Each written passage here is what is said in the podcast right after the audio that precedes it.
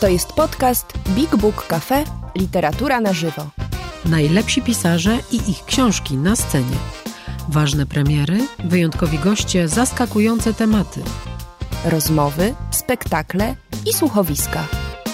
Prosto z literackiego pępka świata. Posłuchaj i sprawdź, co mamy w repertuarze. Wejdź na bigbookcafe.pl lub odwiedź nas osobiście. Do zobaczenia i usłyszenia. Dobry wieczór. Witamy Państwa z Big Book Cafe, pępka literackiego świata albo literackiego pępka świata, jak zwał, tak zwał. W każdym razie mm, dzisiaj na naszej bardzo małej scenie wspaniała aktorka i super ważny gość, Magdalena Cielecka. Dobry wieczór, Magdo. Dobry wieczór. Myślę, że jest to jeden z najbardziej optymistycznych aspektów pandemii. Ten nasz dzisiejszy wieczór, to znaczy Magdalena Cielecka po wielu naszych rozmowach i różnych próbach i kontaktach znalazła wolny wieczór, który w normalnych okolicznościach spędzałaby zapewne na scenie Nowego Teatru i, i robiła coś być może ważniejszego dla świata sztuki niż, niż rozmawianie o książkach, ale em, całe nasze szczęście, że, że dzisiaj jest z nami. W cyklu książki e, mojego życia, jak Państwo widzą, trochę tego towaru literackiego jest z nami i jest też, proszę Państwa, lista. Jako chyba pierwszy gość tego cyklu Magdalena Cielecka przygotowała listę, którą ja mogłam wcześniej zobaczyć, co też było dla mnie straszną frajdą, bo zazwyczaj te wieczory i dla mnie, tak jak dla Państwa, są mm, ogromną niespodzianką, więc proszę sobie od razu przygotować notesiki, długopisy, bo będzie co notować, bo Magda Cielecka czyta bardzo nieoczywiste książki. E, tak zachęcam do tego notowania, ale od razu uspokoję, że powiesimy listę wszystkich książek, o których dzisiaj będziemy rozmawiać w poście na Facebooku. E, film będzie opublikowany na YouTubie i tam również e, dla Państwa spokojnej dzisiejszej możliwości śledzenia toku myśli Magdy to wszystko zostanie e, opublikowane. Gośćmi tego cyklu są postaci niezwykłe, wybitne, których nie wahamy się nazywać autorytetami publicznymi, artystycznymi. Zapraszamy do tego cyklu e, wspaniałych ludzi, e, z którymi przez około godzinę rozmowy próbujemy stworzyć taką osobistą biografię czytelniczą.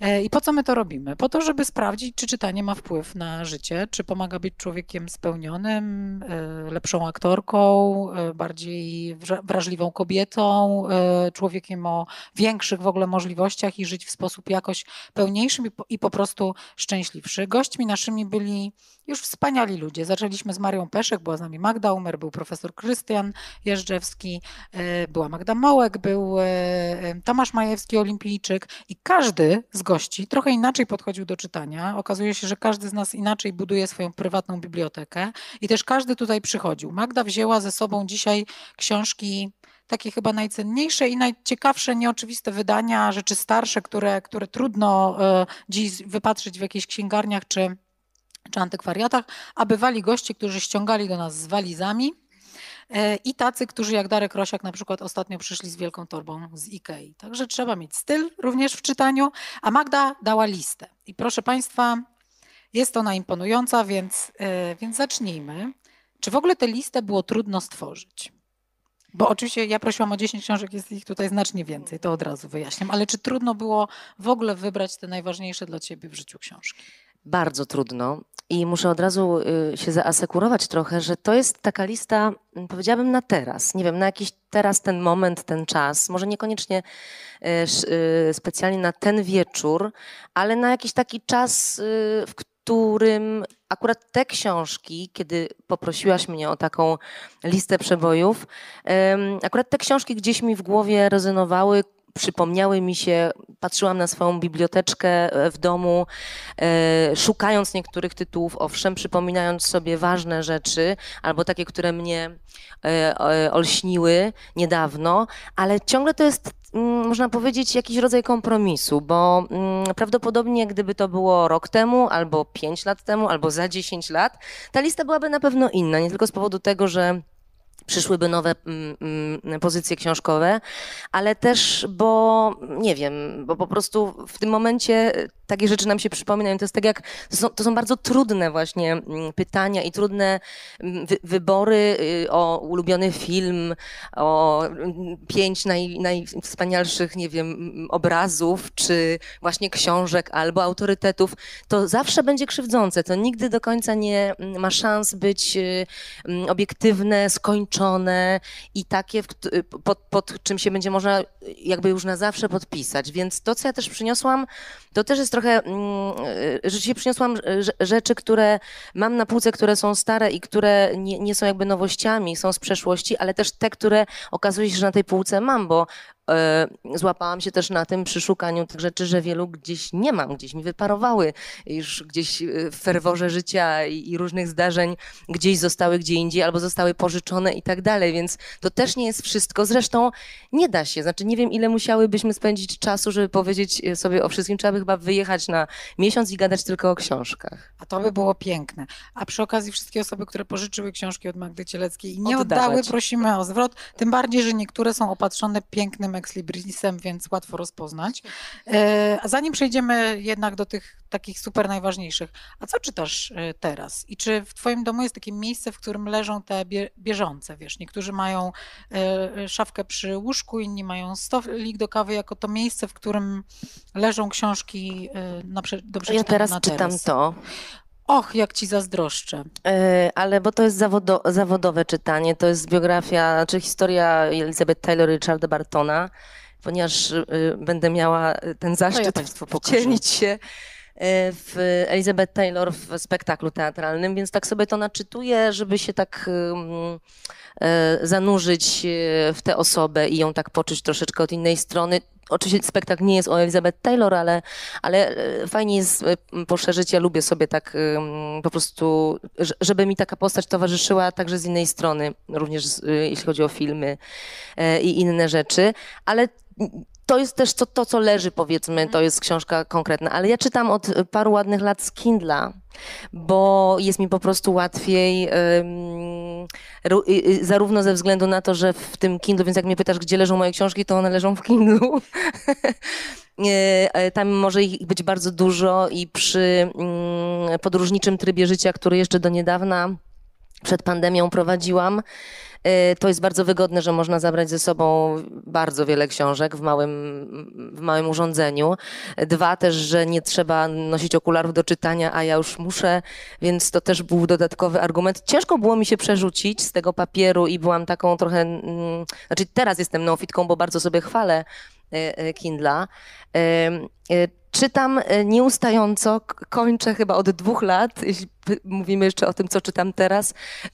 Knausgarda, moją walkę, szósty tom, ostatni, który e, wszystkie te poprzednie przeczytałam bardzo szybko, czekając z wypiekami na twarzy, aż się ukażą. A ten szósty, mm, a ten szósty e, chyba ze dwa lata temu zostawiłam sobie na wakacje, na które wyjeżdżałam, bo, bo po prostu lubię bardzo czytać podróży na wakacjach. To jest też taki czas, gdzie możemy sobie po prostu odpuścić wszystko inne. I tak jakoś te wakacje trochę w inną stronę poszły.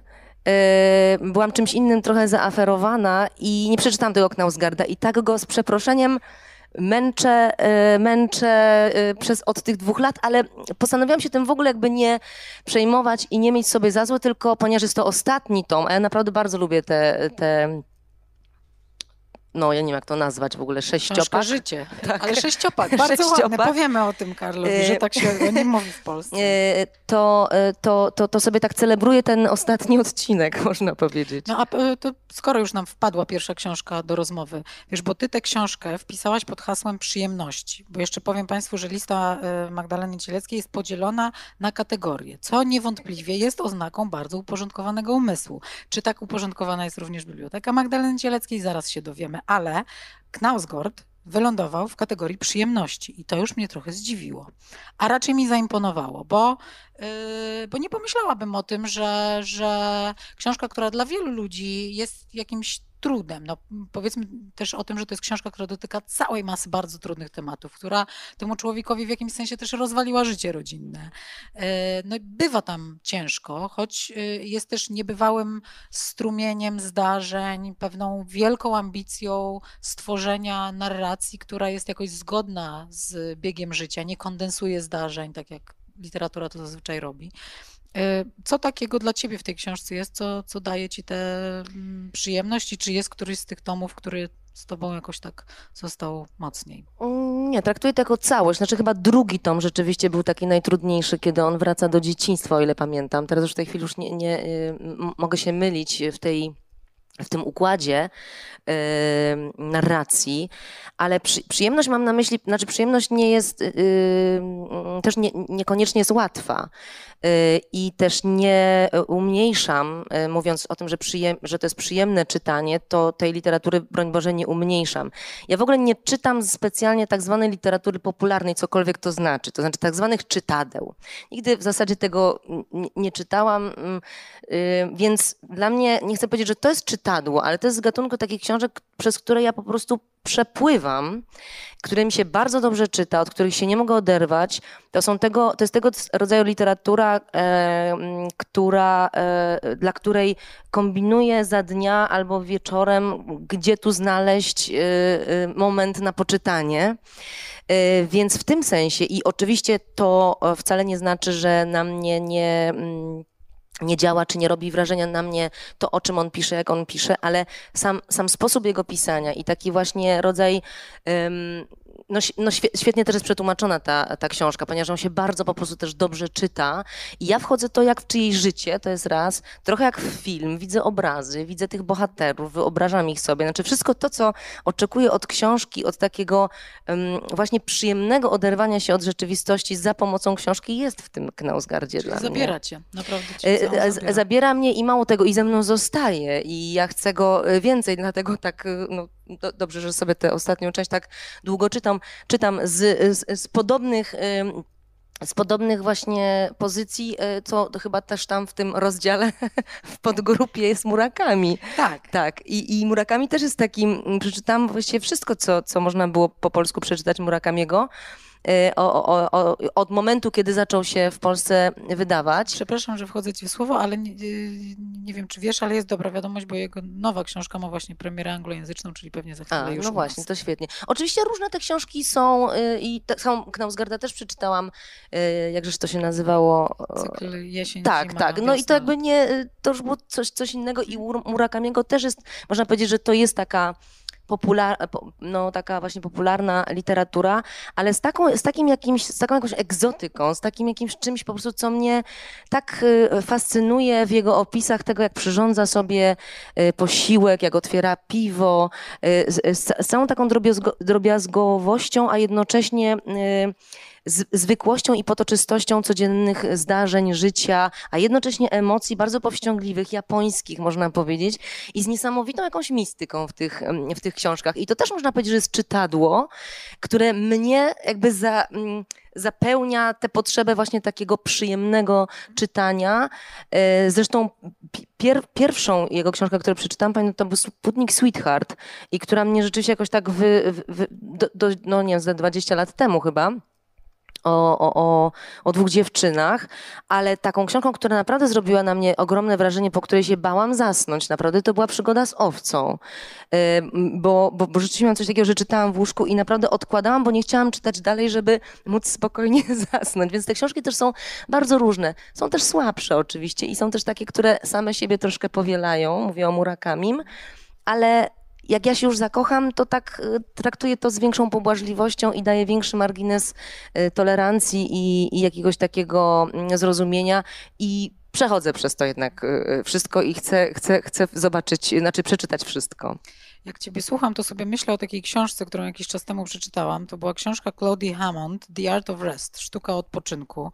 Durnie niby brzmi, ale przeczytałam ją z wielką uwagą. To jest dziennikarka BBC, która prowadzi wiele e, programów poświęconych zdrowiu i ona na podstawie wielkiego badania na temat tego, jakie czynności, z wyjątkiem snu, czyli jakie czynności świadomie wykonywane pozwalają nam odpocząć, e, uczestniczyła w takim globalnym badaniu. Ponad 180 krajów, więc dosyć wiarygodne dane. I okazało się, że wśród 10 czynności, które dają nam najgłębszy, najlepszy odpoczynek, wyobraź sobie, że pierwszym jest czytanie.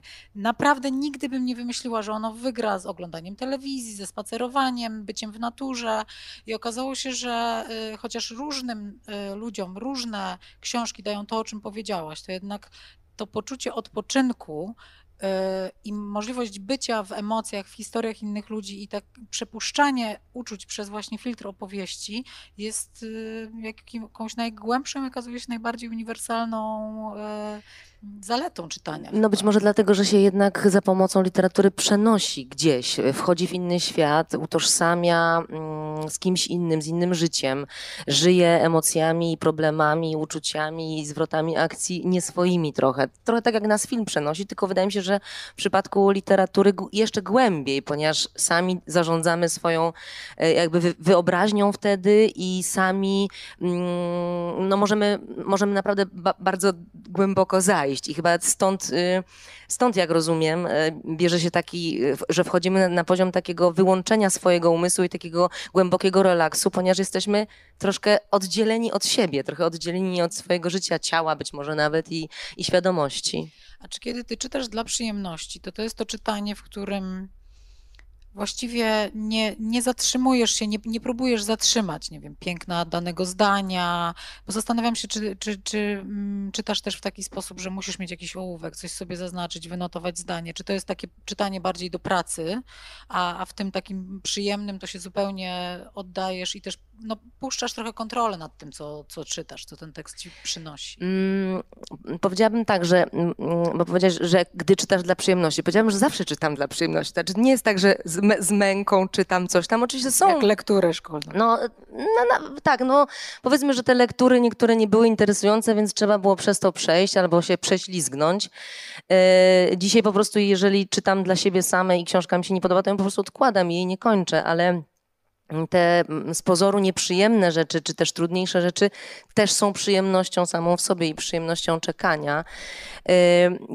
Bardzo różnie, to znaczy y, to zależy. No, jak czytasz na plaży, to trochę mm, trudno mieć ołówek ze sobą, ale zdarza mi się na przykład coś istotnego, co, co y, wydestyluje jakieś zdanie, podkreślić na przykład, albo sobie zapisać, nie wiem, w telefonie albo gdzieś indziej. W wypadku Kindle jest trudniej z tym podkreślaniem ołówkiem i, i nad tym akurat ubolewam. A nie nauczyłam się tych jakichś tam y, zaznaczeń. Y, ale swego czasu pamiętam w takim okresie powiedzmy licealno studia, no to moje książki były rzeczywiście totalnie pokreślone, pozaznaczane, pozaginane rogi. Yy, nie powiem, że uczyłam się cytatów na pamięć, ale one same gdzieś tam w głowie były. Zresztą dzisiaj jak ktoś tak yy, potrafi tak po prostu rzucić jakimś takim cytatem, to naprawdę podziwiam, bo zawsze się zastanawiam, czy się tak przygotował i rzeczywiście wyuczył, czy wierzę, że, że, że mają ludzie jednak takie... Mm, ta, takie zdolności, że zapamiętują tak po prostu z książki jakieś zdanie, które jest ważne. Drodzy Państwo, rozmawiamy z Magdaleną Cielecką o książkach jej życia, ale nie tylko moim przywilejem dzisiaj jest zadawanie jej pytań. Państwo też mogą to robić. Proszę pisać w komentarzach. Jest z nami Julia, która monitoruje wszystko, co Państwo nam przyślą. Ja dostanę te pytania na karteczkach, będziemy Magdzie przekazywać.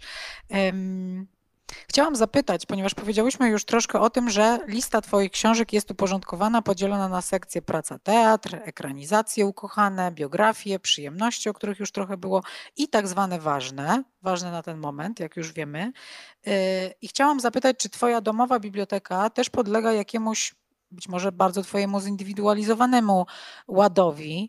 Y, jaka ona jest? To znaczy, jak dużo miejsca w Twoim domu y, książki zajmują? Powiem Państwu przy okazji, że trochę tylko o tym wiem, ponieważ miałam przyjemność wywozić z domu Magdy Cieleckiej chyba z sześć kartonów i toreb y, książek, które podarowałaś nam, a właściwie Państwu e, na targ społeczny Big Book Cafe, bo my tu takie dziwactwa robimy raz na kwartał. Można u nas e, e, kupić sobie książkę za 5 lub 10 zł, książkę pochodzącą z biblioteki na przykład Magdaleny Cieleckiej albo Krzysztofa Materny, który zdaje się dał Ci namiar na nas, że my przejmujemy zbędny towar literacki. No więc jaka jest ta biblioteka? Czy ona jest uładzona, czy to jest tylko twój wewnętrzny porządek? Y, ona, po, pomogłyście mi trochę, bo po, tej, po tym, że tak powiem, e, Czystce. przewietrzeniu zrobiło się miejsce i troszeczkę też w związku z tym u, u, uszeregowałam, uporządkowałam tę swoją bibliotekę. Ja mam dwa miejsca z książkami w domu. Jedno e, to, które widziałaś, a drugie jest w salonie, gdzie są trochę większe regały i tam są też po prostu gabarytowo większe książki. Dużo albumów, e, jakieś książki o sztuce albo takie wydania właśnie nie wiem, biografii, które są nieco większe. 800 stron po prostu. Tak, y, na przykład. I, ale nie jest tak, że mam poukładane, nie wiem, znaczy, zrobiłam tego typu porządek, że mam mm, na przykład autorami, że jeżeli mam 10 książek danego autora, przypuśćmy Murakamiego, czy Kapuścińskiego, czy Kuciego, paru jeszcze by się znalazło, to one w zasadzie stoją obok siebie, w takich y, po prostu y, pakietach, ale nie mam tego uporządkowanego y, ani alfabetycznie, ani gatunkowo, ani raczej tak po prostu, mm, że na tych takich półkach, które się najczęściej, na które się patrzy, to są te takie książki, które, na które ja też lubię patrzeć i które Właśnie są dla chciałam mnie... zapytać, jak tak sobie na nie patrzysz, to jak ci jest? Y, no, no lubię, muszę przyznać, że też y, ja w ogóle lubię książki i mm, to jest też, y, muszę się przyznać, że od kiedy, a już od paru lat czytam z czytnika rzeczywiście, to pewne książki jednak kupuję, chociaż mniej na pewno papierowych niż kiedyś. I one stoją, jakby ktoś wszedł do mnie, to by myślał, że ja udaję, bo one są nietknięte, w sensie te, te papierowe, ale e, rzeczywiście taka książka fizyczna, z zapachem, z, y, z, jakby z możliwością jej przewertowania, jeżeli na przykład są w, w biografiach, nie wiem, na przykład e, poznańskiej, są zdjęcia wspaniałe, to Kindle ci tego nie da i, i dobrze jest mieć tę książkę i do niej po prostu zerknąć i na to popatrzeć. Troszkę powiem tak, że ja sobie trochę nie wyobrażam domu bez książek i tej, tych półek, y, bo pamiętam też to z dzieciństwa. Pamiętam biblioteczkę moich rodziców, gdzie stały na przykład takie, mm, tylko pamiętam y, grzbiety, na przykład boj reflektorem w mrok. I wtedy nie wiedziałam w ogóle, co to jest. Albo czerwone i czarne, Stendal albo Odyniec. No różne takie, po prostu mam takie, albo na przykład Abe Kobo, kobieta z Wydm, którą zresztą przyniosłam tutaj. To nie jest ta mojej mamy książka, tylko to jest już moja. Ale to są takie rzeczy, które nie wiem, trochę ja jakoś tak po prostu podkorowo, czy przez osmozę, czy po prostu przez to, że w domu były książki, może nie nadmiernie, bo moi rodzice nie byli, e, nie, mama, mama nie, nie jest jakby intelektualistką wielką, ale zawsze książki były, zawsze się czytało i ta biblioteczka jako mm, część ściany, po prostu mebel, który jest oczywisty w domu, dla mnie też jest czymś, bez czego sobie nie wyobrażam mm, przestrzeni, w, w której żyję. Pięknie uprzedziłaś moje pytanie o twoje pierwsze w ogóle w życiu wspomnienie książki, jakiejś obecności, ale rozumiem, że po prostu były one naturalnie obecne w tym twoim pierwszym dziecięcym pejzażu, że oko mogło paść na. na tak, zresztą, zresztą y, pamiętam, że mm, już wtedy rodzice czytali dzieciom, to znaczy ja pamiętam, że. Nie trzeba mama, było akcji. Mama, e, mama nam czytała bajki e, i pamiętam, że były to głównie albo, mm, albo to był Brzechwa, albo Tuwim. Z Andersenem było trochę inaczej, trochę było chyba mniej tego Andersena, być może już później sama, czy sami z bratem czytaliśmy, ale mama tak, y, y, tak wymuszaliśmy na niej te te nagłos czytania, że znaliśmy na pamięć oczywiście te, te wszystkie teksty i, i, ona e, często robiła takie e, e, sprawdziany, czy też zabawy, że coś przekręcała i myśmy ją poprawiali, bo po prostu to nie brzmiało tak. Więc rzeczywiście chyba od dziecka, no o ile mogę sobie to przypomnieć, te książki były, a potem, a potem już po prostu sama nie wiem ile miałam lat, może sześć, może siedem, wybrałam, czy też mama mnie zaprowadziła do biblioteki gromadzkiej w Żarkach Letnisko, która się mieściła na taki, po takich drewnianych schodach, na takim pięterku drewnianego domku. I tam wypożyczyłam swoją pierwszą książkę o, o przygodach małpki Fikimiki. Książkę to Wybryki był... i Jak to było? No właśnie nie, ja nie wiem. sprawdziłam awantury i Awantury, wybryki. właśnie, awantury i wybryki małej małpki Fiki Miki. Czyli komiks. To był komiks, to był komiks taki em, ilustrowany przez. Ma, mm, Boże, nie pamiętam w tej Ja chwili. nie pamiętam, może ktoś z Państwa pamięta, to proszę E, napisać. I, I to była moja pierwsza książka, znaczy komiks, książka, e, któ, w którą, k- którą pierwszą wypożyczyłam, potem przyszłam oddać, założona została karta. Pamiętam zapach oczywiście tego miejsca, te, te, te, te, te przegródki, w których były te wszystkie karty i się to oddawało. E, no potem no, całą właściwie podstawówkę wypożyczałam te książki takie dziewczyńskie i takie dla siebie. Pamiętam, że em, no, jakąś taką ogromną właśnie z gatunku przyjemno-trudnych książek z dzieciństwa była książka e, włoskiego jakiegoś autora o psie, który jeździł koleją. E, I wyobraź sobie, że jesteś drugim gościem naszego cyklu, który jest przekonany, że e, książka o psie, który jeździł z koleją jest książką włoską, a napisał ją Roman Pisarski. Nie. Rozmawialiśmy z Darkiem Dlaczego? Rosiakiem przy ostatnim spotkaniu. a dlaczego tak uważamy? Publiczność na, nas y, y, naprowadziła, wyprowadziła z błędu, że to Roman y, Pisarski. Niesamowite. Także Może ja, też miałam Włoszech, takie, ja już nie ja pamiętam. też miałam takie skojarzenie i też nie wiem dlaczego, co swoją drogą świetnie pokazuje, jak dziwacznie działa nasza, Tak, e, nasza tak. pamięć. E, No to była książka, którą mama mi chowała potem, bo ja po prostu tak zanosiłam się płaczem i wpadałam w histerię z powodu marnego losu tego psa, który jeździł koleją, a potem na tej kolei niestety zginął, e, że chciałam ją czytać bez końca, upajając się tą, e, tą emocją i tym smutkiem, a, mm, e, a jednocześnie no, e, bardzo to było bolesne, bardzo to wywoływało we mnie jakieś takie e, e, głębokie smutki i, i, i, rozpacze wręcz, co wydaje się, że, znaczy już dzisiaj wiem, że musiałam to już wtedy lubić, co potem przekułam trochę w zawód, jak się okazuje, Sztuka cierpienia. Ale czytaniu. ale, ale ta, e, t- tę książkę z dzieciństwa rzeczywiście pamiętam bardzo, bardzo, mm, no to jest jakaś jedna z takich progowych y, y, pozycji. Wśród y, książek, które wymieniałaś jako ważne w dzieciństwie są też oczywiście Dzieci z Bullerbyn, Ania z Zielonego Wzgórza i też pewnie inne części, Lucy Maud Montgomery. I tak sobie myślę, że, że te wybory w jakiś idealny sposób symbolizują też, nie wiem jak to powiedzieć, taki świat wrażliwości dzieci wychowanych w pewnym czasie. Dlatego, że ja też bym te same książki w, y, wymieniła. Pewnie ten kanon się już trochę, y, y, troszeczkę zmienił. Ale zastanawiam się, bo to, bo to też pokazuje, że y, jak ważne jest to, jakie książki dajemy dzieciom, bo to nie są książki, które same sobie wybrałyśmy, prawda? Ktoś nam je podsunął, skoro y, pewnie obie je pamiętamy, no z jakiegoś powodu były ważne, czy to była bibliotekarka, czy mama, czy nauczycielka, y, to, to, to jakoś dało nam, paradoksalnie sobie myślę o tym z sentymentem po czasie, dlatego że dzisiaj trudno o kanon.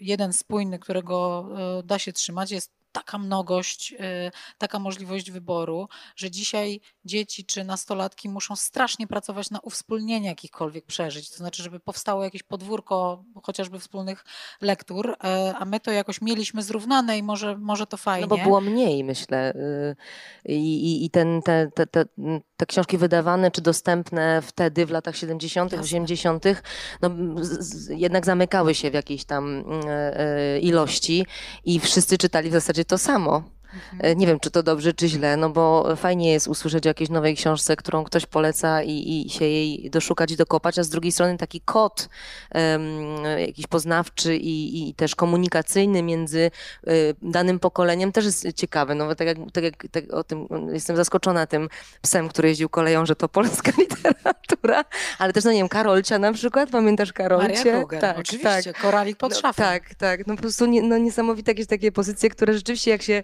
Wyobraź coś sobie, powie, to że- się ręce podnoszą do Tak. góry, ja też, ja też. Y, y, pomogłam mojej bratanicy znaleźć stare wydanie Karolci na y, 41 urodziny dla mojego brata, ponieważ marzył po prostu o tym. Także no jest coś niesamowite, jak głęboko książka może w nas y, tkwić. Piękne, śliczne, y, absolutnie.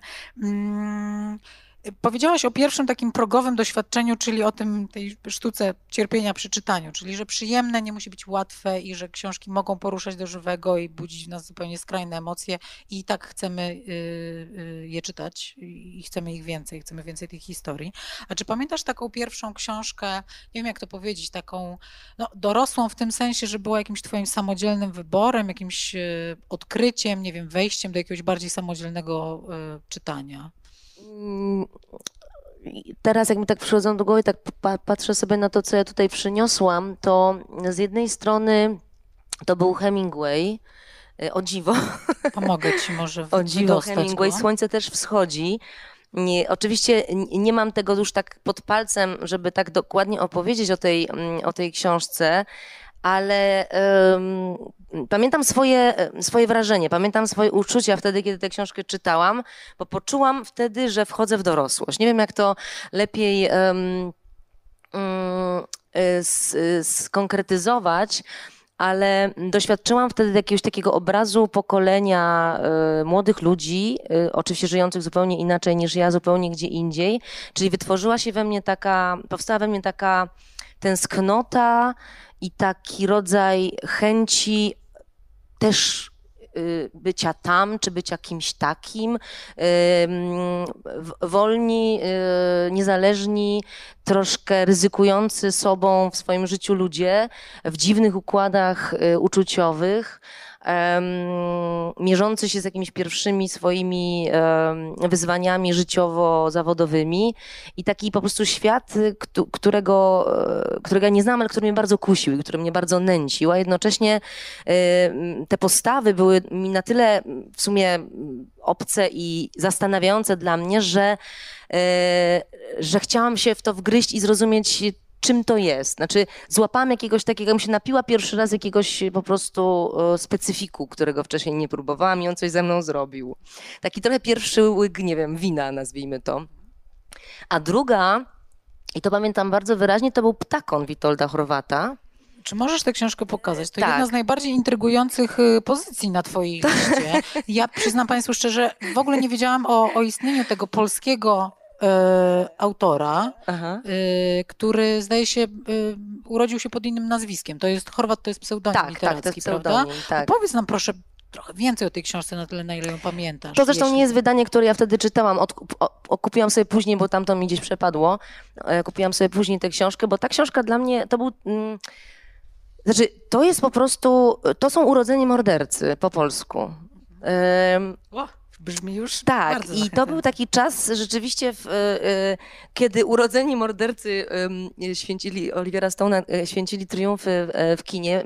Ja akurat jestem wielką fanką tego filmu, przynajmniej wtedy on na mnie zrobił ogromne wrażenie. Wielokrotnie był odniesieniem do różnego typu zadań w teatrze, rozmów o, o, o, o filmie, o, o po prostu jakichś sposobach, nie wiem, nowego opowiadania, narracji, o takich bohaterach niepokornych, a też można powiedzieć po prostu zbrodniarzach, mordercach. Ta książka opowiada o młodocianej y, właściwie no, też morderczyni. Chyba w, w, w, w momencie dziania się tej książki, nie 15 czy 16-letniej, naprawdę bardzo młodej, e, która e, mm, jest, e, która, która ląduje w poprawczaku, no, która jest po prostu taką rzeczywiście trochę bohaterką z, jak z urodzonych morderców, ale tak to jest jakby wszystko napisane, że mm, że e, w przewrotny sposób bardzo się jej sekunduje, bardzo się wierzy w to, że ona ma jakby swoją drogę i chce Y, y, y, chce, chce dojść tam, tam, tam, gdzie zamierza. Jest kompletnie nieobliczalna, jest dzika, jest też bardzo barwną postacią i wokół niej świat rzeczywiście, no półświat można powiedzieć, czy też świat gangsterski, jakiś taki, e, e, jakiś takich no, no, bardzo okrutnych subkultur, jednocześnie jest światem opowiadającym o jej wchodzeniu w dorosłość, o miłości, o szukaniu własnej tożsamości itd. Tak dalej. Niesamowity też materiał na film. Swego czasu miałam straszną nadzieję i chrapkę i chętkę na to, żeby taki film powstał oczywiście ze mną. Potem lata mijały, już zdałam sobie sprawę, że już nawet jeśli powstanie, to będę na to e, za, za dorosła. Ten film nie powstał, więc naprawdę e, nie wiem, nie wiem też zresztą, jakbym dzisiaj tę literaturę e, przyjęła, bo też z książkami jest przecież tak, że nie wiem, nie wiem na ile e, ktoś z Państwa, czy, czy Ty wracacie do książek, e, które kiedyś zrobiły na nas ogromne wrażenie, które były dla nas ważne albo które po prostu nam się podobały. I, I ja na przykład czasem wracam. Zdarza mi się wrócić, bo mi się zatęskni i nie dlatego, że chcę perfidnie sprawdzić, czy to dalej działa, czy nie, tylko tak po prostu mam ochotę jakby jeszcze raz to przeżyć. No i jak jest? No oczywiście różnie, to zależy od książki i E, nigdy się nie da drugi raz przeżyć tego samego, to jest jasne, bo jesteśmy choćby od wczoraj po prostu inni, w innym miejscu, e, a już y, na przestrzeni lat wszystko się zmienia i wokół, i w nas samych, więc nie sposób, ale czasem to działa na plus, to jest tak jak z filmami, a czasem na minus. Ja muszę powiedzieć, że e, wiedziona jakimś takim trochę owczym pędem pandemicznym w, w okresie tego tego wiosennego pierwszego lockdownu przeczytałam Dżumę po raz kolejny y, Alberta Camus, którą czytałam pewnie też nie raz, ale no powiedzmy, że dość dawno temu, y, już nie mówiąc o tym pierwszym razie, który rzeczywiście zawsze, no myślę, że taka książka, jak się ją pierwszy raz czyta, wywołuje jakieś niesamowite emocje. I również wywołała inne i to był, to był dobry powrót. To było z gatunku tych dobrych powrotów istotnych, mm, ale oczywiście inaczej ją odebrałam również przez, przez okoliczności, w których ją czytałam. Odnosiłam no, po prostu niemalże jeden do jeden e, opis tej sytuacji do tego, co działo się mm, i, i w zasadzie nadal dzieje wokół nas. Y, rozwiązanie zagadki z psem, który jeździł koleją jest takie. Dziękujemy bardzo y, uważnym y, widzom, że akcja tej książki dzieje się we Włoszech. Już wiemy skąd ta mm, konfuzja. Tak. Proste. Ponieważ przywołałaś dżumę, to pozwolę sobie zadać pytanie od pani Małgosi. Czy jest taka książka z wielkiej literatury klasycznej, której do dzisiaj nie przeczytałaś i ona jest z tobą jak taki wyrzut sumienia, albo odkładasz ją na emeryturę, która nigdy nie nastąpi, bo będziesz grać do końca życia? No, myślę, że jest bardzo dużo takich książek. Ja muszę przyznać, że nie przeczytałam trylogii. No muszę się do tego przyznać, bo to kompletnie nie jest moja no, literatura. Ale co święta możesz sobie obejrzeć ekranizację w polskiej I chyba na tym poprzestanę. Myślę, że to jest bardzo dobra ekranizacja.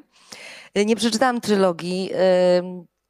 E, teraz, teraz tak na prędce szukam, e, nie przeczytałam też w całości Prusta. E, czytałam jakieś poszczególne tomy, ale nigdy tak w całości, tak od deski do deski tego Prusta nie przeczytałam. Pewnie jest wiele takich. Nie traktuję tego jako wyrzut sumienia, bo też przyznaję się otwarcie. I potem będą takie tytuły. Cielecka nie przeczytała trylogii. Skandal. Pewnie jest wiele takich tytułów i kto wie, znaczy może, może na emeryturze, a może i wcześniej.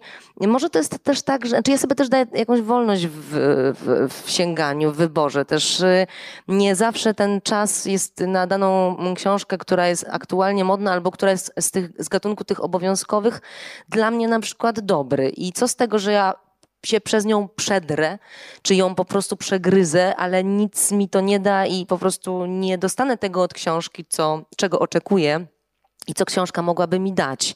Więc trochę zdaje się tutaj na taki trochę beztroski e, instynkt swój e, i, i taką potrzebę tu i teraz, e, żeby, żeby mieć z tego też po prostu przyjemność i korzyść. Ja czasami kupuję książki, wiedząc, że mm, wcale ich teraz nie przeczytam, ale mam takie, taką intuicję, że będzie taki moment w życiu, kiedy one będą mi jakoś potrzebne, bliskie i one tak sobie spokojnie stoją, czekają na swój moment i to jest jakoś, jakoś okej. Okay. Powiedziałaś o, o tym, że yy, niewielu z nas ma właściwie ten komfort, żeby wracać do książek. To jest jednak rzadkie chyba w życiu, bo czas nas goni i rzeczywiście pewnie wielu z nas jest też pod presją nowości literackich i tej nadprodukcji, na którą często tutaj w Big Booku narzekamy, chociaż przecież żyjemy czytaniem. Ale rzeczywiście trochę nas gonią, jak wyrzuty sumienia, te stosy piętrzących się premier, nieprzeczytanych. Na mnie te książki patrzą. Ja mam straszne wyrzuty sumienia, że, że jeszcze ich wszystkich nie pochłoniłam, ale, też, też jest takie pragnienie, żeby to wszystko y, przeczytać i poznać. Ale jestem bardzo ciekawa, jak jest, y, jaka jest Twoja relacja z tekstami, na których pracujesz jako aktorka, to, ponieważ Przecież do niektórych ról teatralnych wracasz przez lata albo po długim czasie i to, to jest w jakimś sensie również powrót do tekstu. I zastanawiam się, czy, czy z tym jest tak, jak z dżumą, o której powiedziałaś, że choć spektakl ten sam, choć temat ten sam, choć, choć jakieś wasze główne artystyczne założenia te same, to ty jesteś inna, czas inny, kontekst y, bieżący inny, odbiór publiczności też może się zdarzyć inny. Bardzo jestem ciekawa, jak, no jak ta relacja wypada i czy, czy czasami jest trudno, czy ten powrót czasami bywa trudny, albo czy wchodzisz do innego świata. E, no w wypadku e, rzeczywiście spektakli, które są oparte na literaturze, e, to, to no, jasne, właśnie za każdym razem też spektakl jest inny i nie dlatego, że mm, jesteśmy niesubordynowani i robimy co chcemy i zmieniamy. Rzeczywiście jest to w ramach jakiejś jednak dyscypliny i pewnych ustaleń, ale no nie wiem, podam na przykład przykład rzeczywiście tego Prusta, bo zrobiliśmy w Teatrze Nowym z Krzysztofem Warlikowskim e, Francuzów, którzy są oparci na, na w poszukiwaniu straconego czasu. Oczywiście nie na wszystkich wątkach, to jest adaptacja, to jest powiedzmy taka sublimacja e, tego tego tematu i tych bohaterów i tego czasu świata, również oczywiście mm, poszerzona i inkrustowana wieloma innymi też tekstami, które, które tam się znalazły. I przy okazji rzeczywiście tamtej pracy mm, zaczęłam się w tego Prusta wgryzać, jak już przyznałam szczerze, nie w całości i nie do końca. Ale to nie jest tak, że potem, kiedy wznawiamy taki spektakl, to wracamy do Prusta. Nie wracamy raczej do mm, Prusta w spektaklu, znaczy wracamy do tego materiału, przedstawienia, który wywodzi się z Prusta, ale no nie, nie, wydaje mi się, żeby ktoś sięgał po prostu po książkę. Po te książki w wypadku teatru na przykład, ale także filmu przecież się sięga w trakcie pracy. I to jest taka, powiedziałabym, takie materiały naukowe, nie jak to się mówi, no tak, pomoce naukowe, takie pomoce naukowe, którymi się lubimy, tak jak trochę w wypadku teraz tej Taylor, E, lubimy się opakować, ale to nie tylko wprost się odnosi do tematu czy do postaci, ale też po prostu do, nie wiem, do jakiegoś czasu. No całą po prostu mm, e, e, literaturę, nie wiem, pamięci, znaczy całą, na pewno nie całą, ale, ale pamiętam, że byłam mocno zanurzona w momencie, kiedy robiliśmy zarówno Apolonię, też w teatrze, opartą na, na, na, na literaturze Hanny Kral. Zresztą teraz w tym nowym przedstawieniu też Hanna Kral y, jest y, obecna jako, jako, jako literatura, jako materiał, więc ten, ten, ten zawód, ta praca też stwarza takie możliwości, że można po prostu nagle poczytać coś, być może po co by się w ogóle nigdy nie sięgnęło i odkryć też dla siebie, tematy, czy czas, czy, czy nie wiem, no po prostu autorów, y, y, o których by się może nie wiedziało. Ja tak odkryłam Littela przy okazji Jonathana Littela z, z jego łaskawym. Tak y, w gruncie rzeczy zanurzyłam się w, w też poprzez teatr, bo też używaliśmy jego tekstów do, do różnych spektakli. I to są rzeczywiście takie, mm, takie pozycje, które są same w sobie interesującą literaturą, ale które mają za zadanie stworzyć taki background i taki rodzaj y, no, takiego kaptura, który się trochę na, na, na, głowę nakłada, żeby się w tym wszystkim zanurzyć. Ale bywają też takie spektakle, nie wiem, takie zadanie, pamiętam, że jak robiłam Psychosis w Teatrze Rozmaitości, spektakl Grzegorza Jarzyny oparty na na tekście Sary Kane, to czytałam strasznie dużo o depresji, czytałam właśnie lęk Kępińskiego, czytałam, że takie też y, no trochę bardziej powiedziałabym popularno-naukowe, czy po prostu naukowe albo psychologiczne rzeczy, y, żeby też jakby poznać problem i, i takie, takie, mm, takie, takie działania, takie wyzwania też y, są interesujące, bo to też jakby poszerza, no, w gruncie rzeczy w czytaniu o co chodzi? No chodzi o poszerzenie jakby swojego horyzontu, prawda? O zobaczenie z innej strony, z innej perspektywy, o, o, o zobaczenie z innego e, poziomu narracji tego samego w gruncie rzeczy, no bo literatura gdzieś tam opisuje życie, nawet jeżeli jest faktem, to opisuje życie, jeżeli jest fantazją, jeżeli jest fikcją, też opisuje po prostu kondycję człowieka, ale z różnych jakby perspektyw i w różnych ujęciach i to jest najbardziej fascynujące. Mi się wydaje, że mm, no to człowiekowi jest y, jakby niezbędne do takiego rozwoju, y, mówiąc naj, najprościej, do, do, do poszerzenia swojego widzenia i bycia w związku z tym bardziej um, otwartym i y, i niezdziwionym w sumie niczym. Zastanawiam się, czy teatr nauczył też ciebie czytać. To znaczy, bo wyobrażam, mogę sobie tylko wyobrażać, że teatr bardzo często zaczyna się od tekstu, że. Yy, może być y, taką wielką drogą y, do, do tego, jak teksty przenikać, jak różnie można każde zdanie wypowiedzieć, przymierzyć się do niego, znaleźć w nim y, różne konteksty. Kiedy przygotowywałam się dzisiaj do rozmowy, próbowałam sobie wyobrazić, jak wygląda próba czytania, jak wy się przysiadacie jakby do, do jednego zdania, być może w bardzo różny sposób i jakoś przyszło mi do głowy takich dwóch starych Żydów, którzy siedzą nad, nad torą i dywagują nad znaczeniem każdego zdania. To znaczy, y, y, być może są to jakieś zupełne fantazje, ale zastanawiam się, czy, czy teatr był dla ciebie szkołą czytania i przez to, że oczywiście na pewno cię popchnął do, do wielu, wielu książek, ale, y, ale też czy on sprawił, że ty czytasz, nie wiem, głębiej, uważniej, no właśnie z jakąś taką wiedzą na temat tego, jak, jak wiele różnych wszechświatów można wyłonić z jednego tego samego zdania. No na pewno w wypadku takiego ciągłego obcowania z literaturą w teatrze i takiego, to czytanie trochę tak wygląda, jak, jak powiedziałaś, tylko że nie jest dwóch, tylko jest zazwyczaj dwunastu albo troszkę więcej. W wypadku teatru, no, w którym pracuję, czyli teatru nowego. I to jest takie siedzenie i rozkminianie i rozbieranie E, e, i poszczególnych zdań i całych wątków i ja bym to bardziej nazwała nie takim skupionym jakimś e, próbą jakiegoś takiego skupionego dochodzenia, a raczej burzą mózgów i też takim trochę przerzucaniem się mm, pomysłami czy mm, interpretacjami albo po prostu odczuciami na temat tego, czym to jest, czym by to mogło być, z czego to może wynikać, dlaczego. Też ciągłą jakąś taką taką mm, no, sytuacją, w której e, co chwilę ktoś mówi, a to jest trochę tak jak w takiej innej książce. I czyli robi się link do następnej pozycji, albo to tak jak trochę w tym filmie, a widzieliście to, a dobrze byłoby tutaj jeszcze zerknąć na taki tekst, a może przeczytać jeszcze tamto. Więc to się tak trochę roz, y, roz, rozchodzi jak taka y, y, ośmiornica i temacki gdzieś zaczynają po prostu nas oplatać i sięgać no, bardzo, bardzo daleko, czy też na tyle daleko, na ile jest to potrzebne albo na ile kto jest gotowy.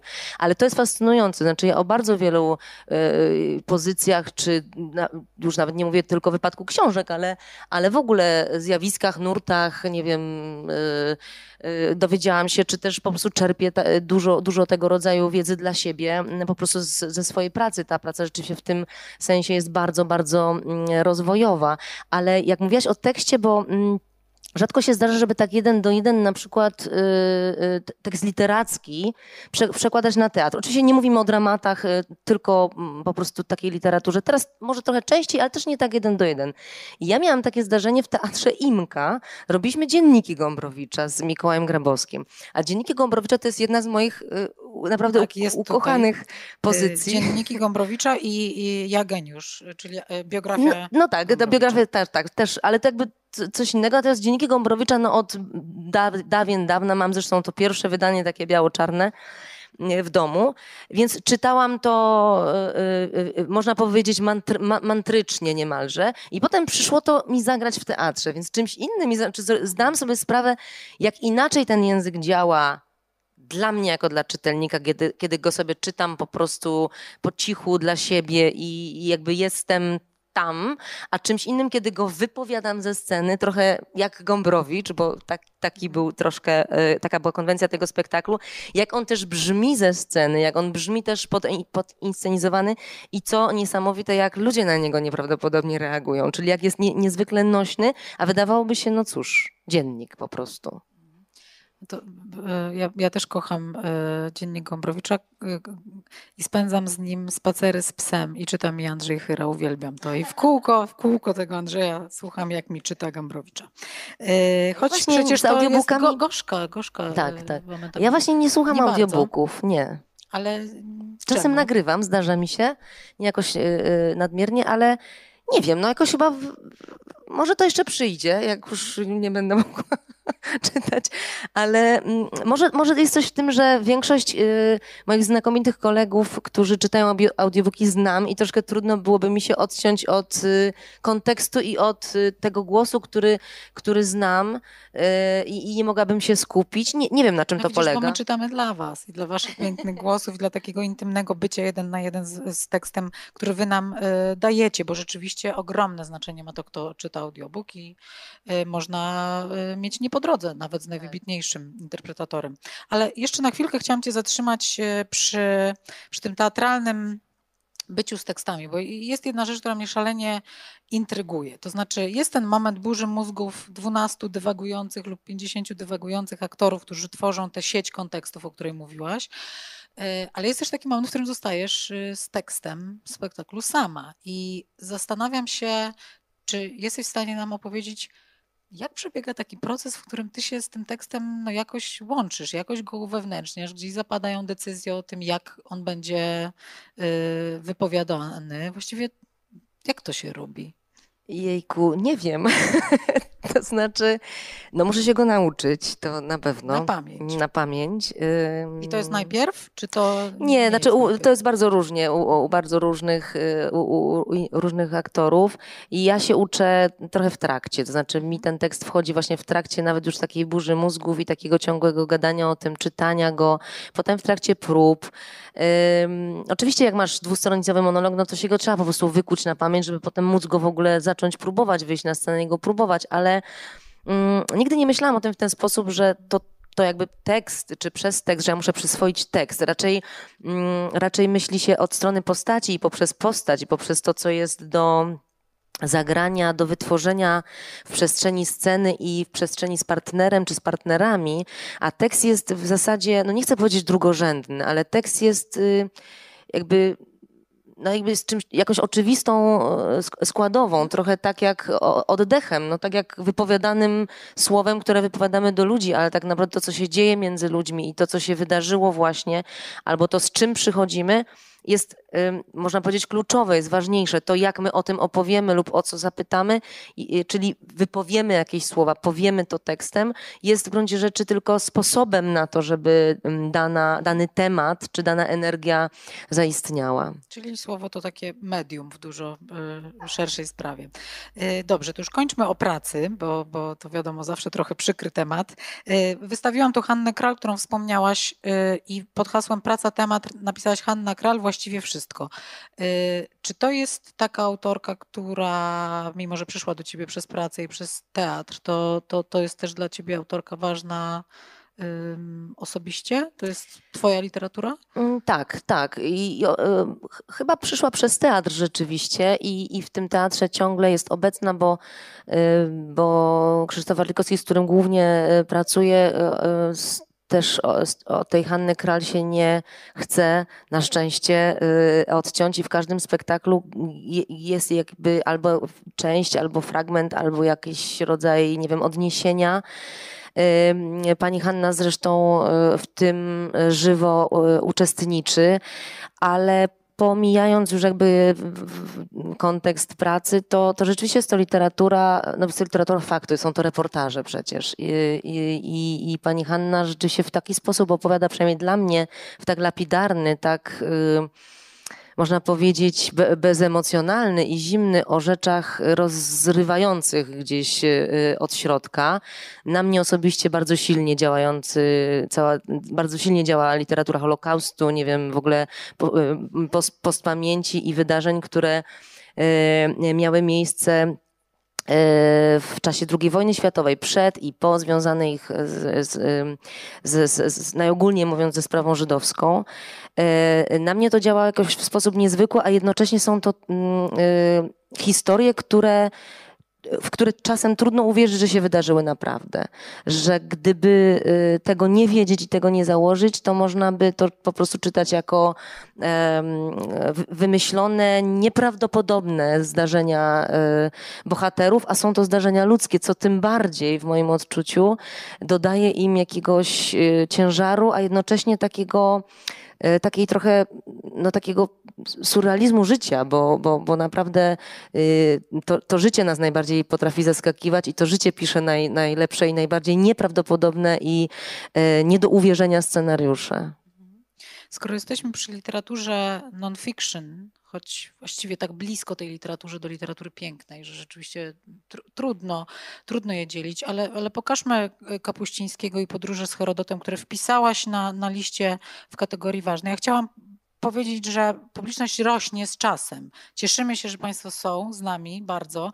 Y, pewnie jesteście tak zamagnetyzowani tą opowieścią jak i ja. Zadawajcie pytania śmiało. Ja je tu wszystkie zbieram, one się y, pojawią. Y, w ogóle literatury non-fiction nie ma dużo na Twojej liście. To znaczy, ja rozumiem, że to może nie być jakiś całkiem prawdziwy obraz, ale, ale gdyby sądzić po tej liście, którą dzisiaj, na dzisiaj przygotowałaś, to, to jednak literatura piękna zajmuje więcej miejsca. Czy Kapuściński w całości wpisałaś Herodota jako jakąś Jako przedstawiciela. tak, y, tak, w całości, tak. Y, mo można tak powiedzieć. Dla mnie zresztą Kapuściński jest, jest literaturą piękną też. To jest trochę tak jak w wypadku Hanny Kral i, i pewno bardzo wielu autorów y, y, piszących y, literaturę faktu. Y, akurat te podróże z Herodotem, bo to, mm, to chyba czytałam oczywiście w jakiejś podróży, no bo to tak zwykle jest, że gdzieś pewnie wyjechałam i wzięłam tego Herodota, żeby, żeby to się jakby dobrze wkleiło. Miałam taki, mm, taki, nie wiem czy zwyczaj, ale taką jakąś, taki jakiś odruch, że jak jechałam do, nie wiem, do Afryki, to brałam heban na przykład, a jak jechałam koleją transsyberyjską, no to sobie tam brałam coś, nie wiem. Nie wyobrażam sobie e, inaczej. Do, Dostojewskiego, prawda? A do Włoch Herberta. I tak, tak, tylko tak no, warto tak, żyć. Tak, tak. Oczywiście bez fanatyzmu, ale mm, ale y, te podróże z Herodotem pamiętam, że y, chyba, nie wiem, czy mogę teraz coś y, przekłamywać, ale utkwiło mi właśnie takie, takie zdanie, że kiedyś się podróżo, kiedyś na podróż było więcej czasu, więc człowiek miał więcej czasu na powolne oswajanie się z kolejnymi um, krajami, kulturami, zmianami pogodowymi. Organizm i umysł mógł powolutku się przystosowywać w miarę upływu czasu, a czasem trwało to tygodnie lub miesiące do zmierzenia się z nową rzeczywistością. A teraz się niestety pyk wsiada, no teraz już nie, ale mm, e, przez chwilę, ale że się wsiada w samolot i, i człowiek jest taki rzucony jak taka ryba bez wody e, e, w, w nowe środowisko i tak próbuje się zorientować. To, to, to pamiętam to jedno z pierwszych zdań mm, podróży z Herodotem otworzyło przede mną jakąś taką właśnie podróż, która będzie powolna i która będzie trwała i w którą się będę mogła zanurzyć. A jednocześnie mam z Herodotem osobiste porachunki, ponieważ. Ym, ponieważ y, pierwszą dwóję w liceum z historii dostałam z, z, z tematu y, Herodot i Tukitydes y, bo nie, bo nie odrobiłam lekcji, nie wiedziałam, co to jest, więc potem bardzo musiałam mocno zgłębić obu, obu panów, więc ten Herodot y, naprawdę wiem, o co chodzi teraz. Drodzy rodzice, nie martwcie się o swoje dzieci, gdy nie czytają trologii albo dostają dwóje z Herodota. Mogą zostać wybitnymi artystkami. Także spokojnie, lektury i szkoła nie rzecz najważniejsza. A czy ty y, kochasz czytać w środkach lokomocji? Ja na przykład jak jadę pociągiem, to mam taki straszny dylemat, czy patrzeć za okno, czy próbować mimo wszystko konwersować ze współpasażerami, czego nikt już dzisiaj nie uprawia, jest to sztuka ginąca, czy czytać. I wszystkich trzech rzeczy chcę tak samo bardzo i strasznie mi przykro, że te pociągi do tego Krakowa tak szybko teraz dojeżdżają, bo jak, ciągle zamierzam wsiąść do, do jakiegoś pośpiesznego do Przemyśla, żeby pogodzić te trzy rzeczy, mm, ale czy, czy ruch, podróż, to jest ten moment, w którym ty, ty kochasz czytać? Tak, tak, bardzo. Y, no, bardzo dawno nie jechałam też pociągiem, ani nie leciałam samolotem. To jest inna rzecz. To się na pewno odbiło na moim czytaniu. Y, ale to bardzo lubię, bo to jest taki, ja sobie to tak nazywam, że to jest taki trochę czas za darmo. Że, że, że taki darowany i że y, te 8 godzin w samolocie czasem albo 3 lub 5 w pociągu to jest właśnie idealny czas na to. Ja oczywiście z, lubię zerknąć za okno albo z kimś zagadać, ale jeżeli jadę sama, to, e, to jak jeździłam, to głównym moim, e, moją czynnością i moim zajęciem i przyjemnością właśnie ogromną było, e, było czytanie. Nie właśnie, nie wiem, odpowiadanie na maile, nie załatwianie telefonów, nie jakieś inne rzeczy takie które również mogę nadrobić w, w tym darowanym czasie, tylko właśnie to jest to, co, na co czasem mnie nie stać na co dzień w domu, w jakimś takim ruchu i biegu, a tam jakby się czas zatrzymał. Ja jestem wieziona jak w jakiejś kapsule przez coś, oddaję się w ręce tego środka lokomocji, więc jestem trochę wyabstrahowana z, z życia i nie ma mnie dla nikogo, bo też po prostu mogę wyłączyć telefon i ten telefon nie dzwoni przecież w pociągu. Błogosławione podróże pociągami przez pola, na których nie ma zasięgów, prawda? To, to jest coś, e, coś wspaniałego. Przypominają mi się też podróże kolejowe z dzieciństwa, gdy mama kazała pakować kanapki z kotletem i ja zabierałam książkę, bo tak się bałam, że ten pociąg stanie w polach i co my tam będziemy robić. Skoro jesteśmy przy podróżach, to ja wyciągnę z, z e, twojego zbioru Orhana Pamuka i Stambuł. Czemu ta książka y, się tutaj znalazła? A jaka ona jest poklejona w ogóle, bo Strasznie ona mi się, bo ona mi się rozpadła w się. podróży. Ona mi się Drogi- rozpadła w podróży na wydawco, pół.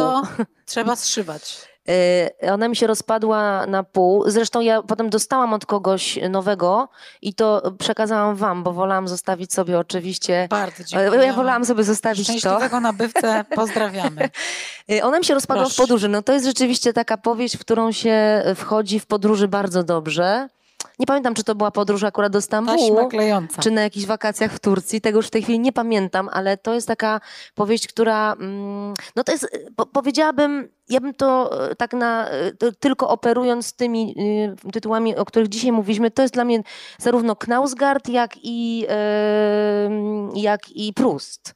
Znaczy jest, jest rodzaj takiej epopei i takiej, mm, takiego obrazu pewnego czasu, y, pewnej społeczności, rodziny, miasta, jakiegoś nadciągające, jakiejś nadciągającej przemiany.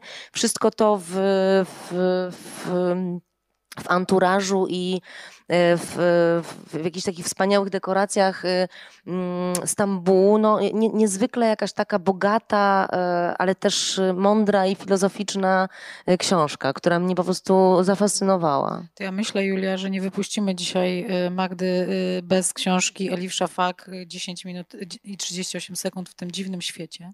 Ona stoi tam za nami w takiej turkusowej okładce. Jest to przepiękna książka widzę, o widzę, tak. Stambule. A. Elif Szafak y, urodziła się za granicą, ale dorastała w Stambule i to jest przepiękna książka o tym mieście, która moim zdaniem wspaniale uzupełnia tę z kolei wspaniałą A, książkę, o której re, powiedziałaś. rezonuje z nią. A trochę jest almodowarowska, wiesz, bo No. jest o, o takim queerowym, freakowym środowisku y, i o mieście, które przyjmuje kolejne warstwy przybyszów, ale też dziwaków i dla wszystkich robi miejsce.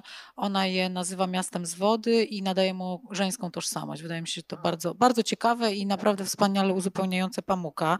Płyną do nas pytania od publiczności i ja tutaj, i tu jest taki, taki mały koncert życzeń. To ja, ja będzie, będzie, zrobimy taki ping-pong, dobrze? Spróbuj odpowiedzieć szybko na to pytanie. E, Co prawda Joyce Carol, Joyce Carol Oates, autorka brytyjska, mówi, że spotykanie się z pisarzem na żywo to jest taka przyjemność jak e, spotkanie, jakby amator e, pasztetu spotkał się z kaczką. Więc że to generalnie jest bez sensu. Ale jakiego pisarza chciałaby pani poznać, jeśli już go pani nie zna? Y, Murakamiego. Murakamiego. O, to jest bardzo trudny autor, bardzo kapryśny, czasem nie wsiada do samolotu, jak się go do Polski zaprosi, także wielu e, organizatorów festiwalu już próbowało, co mówię jako Bo ja bym organizatorka porozmawiała o piwie, o kuchni i o jazzie. Zanotowaliśmy Poza... i wyślemy takie zaproszenie.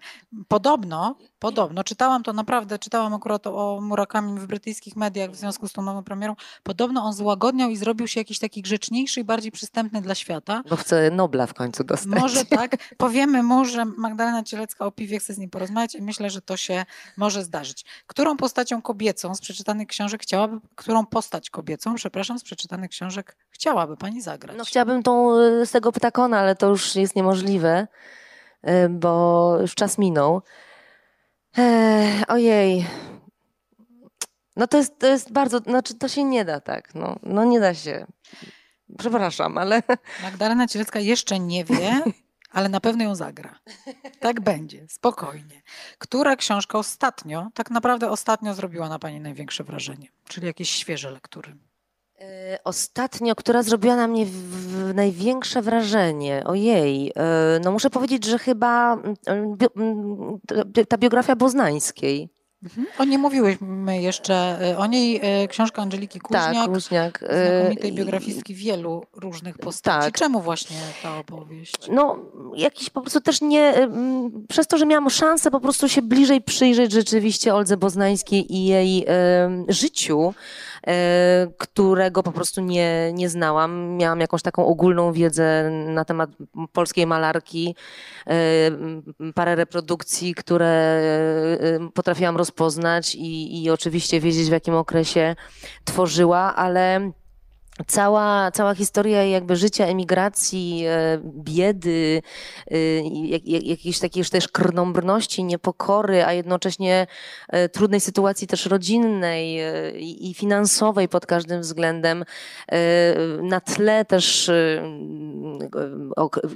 tego okresu i zarówno w Paryżu, jak i w, jak i w Krakowie, jakoś niesamowicie na mnie zrobił, niesamowite na mnie zrobił wrażenie, ale też też ja oczywiście pewnie trochę inaczej odbieram, bo też czytam po prostu biografię mm, o artyście i, i zastanawiam się, z czym się taki artysta też musiał zmagać, jak, jak powstawała jego praca, jak powstawały jej obrazy w tym wypadku konkretnie, wobec takich, a nie innych przeciwności, y, jakiego rodzaju wyrzeczenia, jaki świat wokół funkcjonował, jak ona jadła, nie jadła. Znaczy, są, są, są to takie detale, które mm, są niezwykle mm, smakowite i soczyste, nie tylko dla mnie jako czytelnika, ale też dla mm, aktorki, artystki, która jakby poznaje i patrzy na też po prostu drogę, czy żywot, czy zmaganie, czy, y, czy, czas i miejsce i możliwości innego artysty. To jest bardzo, y, bardzo takie zawsze ubogacające, a jednocześnie te biografie właśnie y, mm, są też świetnie napisane. Je się tak trochę czyta jak mieszankę kryminału z romansem, z, z, z, z, lek taką domieszką, nie wiem, jakiegoś tam, e, jakiejś takiej literatury suspensu. Więc to się też po prostu bardzo, bardzo dobrze czyta. Boznańska jest też tym przykładem artystki, która dała nam wgląd w samą siebie poprzez autoportrety. Nie wiem, czy y, byłaś w Muzeum Narodowym na tej świetnej monograficznej wystawie. Niewiele było świetnych wystaw w Muzeum Narodowym w Warszawie w ciągu ostatnich, nie wiem, bo w ciągu ostatniej dekady, ale to jest jedna z tych, które zapadały w pamięć, że ona nam też dużo o sobie pokazała w tych obrazach. Więc myślę, że połączenie tych doznań, y, przeczytania tak, tych tak, historii. to jest takie dopełnienie i taki rodzaj po prostu no, przeczytania kogoś. Oczywiście mhm. jasne, że nie do końca, ale takiej, takiego możliwości takiego dostępu um, bardziej intymnego. A powiedz, bo wspomniałyśmy tylko o tym, że na, na Twojej liście ważnych książek znalazła się e, biografia Gombrowicza Ja Geniusz e, Klementyny Suchanow. To jest taka książka, na którą zadziwiająco długo czekaliśmy. Dwutomowe, opasłe dzieło o Gombrowiczu, e, ale też książka, która ja mam takie poczucie, ona, ona nie, nie zarezonowała bardzo mocno wśród czytelników. Ona też nie została wyróżniona bardzo ważnymi nagrodami literackimi. Coś takiego się wydarzyło, że że no to jest moje oczywiście odczucie, że ona nie uzyskała wystarczającej atencji y, i dlatego może poświęćmy jej chwilę. Jakie ty masz wrażenia z jej przeczytania? Czy ona tobie coś nowego o Gombrowiczu y, powiedziała?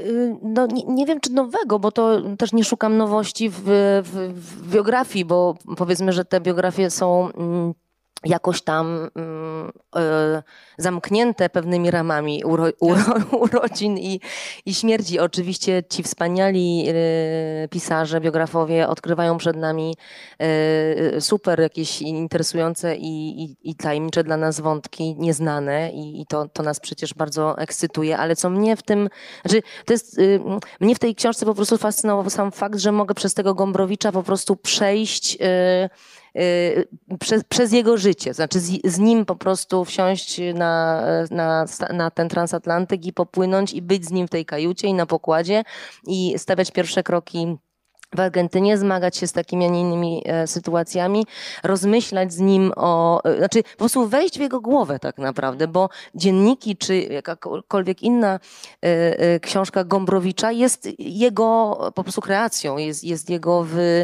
jego życie też było oczywiście trochę kreacją i ta biografia myślę też to bardzo pięknie pokazuje, ale mm, no, mo, można z nim było odbyć podróż jego życia tak naprawdę i, i poznać go od takiej strony ludzkiej, ludzkiej też bardzo, od, od strony jego słabości, od strony jego różnych deficytów, jego, jego jakichś ograniczeń, blokad, jego ochot, jego perwersji.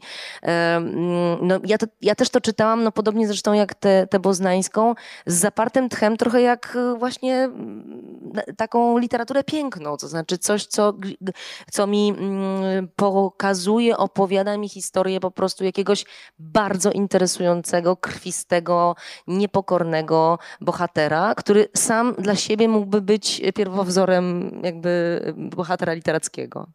Ależ myślę sobie, że powiedziałaś piękny komplement Klementynie Suchanow, bo jak czytać z takimi emocjami książkę, opowieść, którą przecież dobrze się zna i wiadomo, jak ona się kończy, prawda? I to, to, to jest no, fascynujący bohater po prostu, fascynujący. Mhm.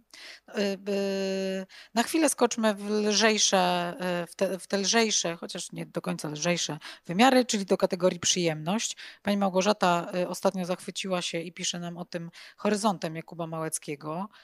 Małecki, który był bohaterem Big Book Festiwalu, żartował tutaj dużo sam z siebie, bo jest to autor o, ogromnym, o ogromnej zdolności do autoironii.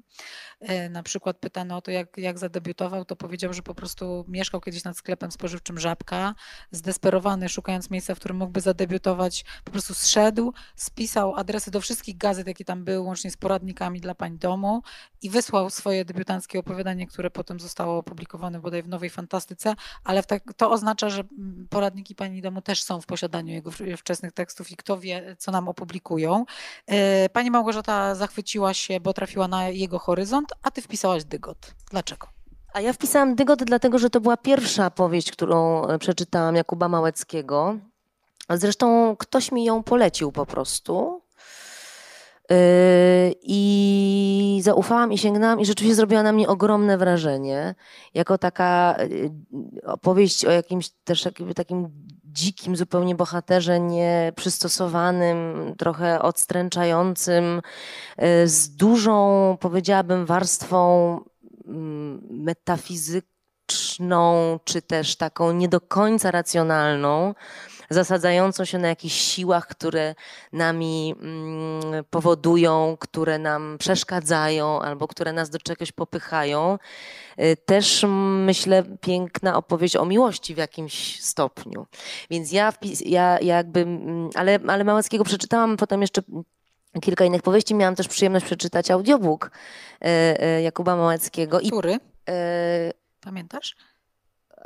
Boże, mam teraz kompletną dziurę w głowie. Horyzont. Horyzont. Horyzont właśnie.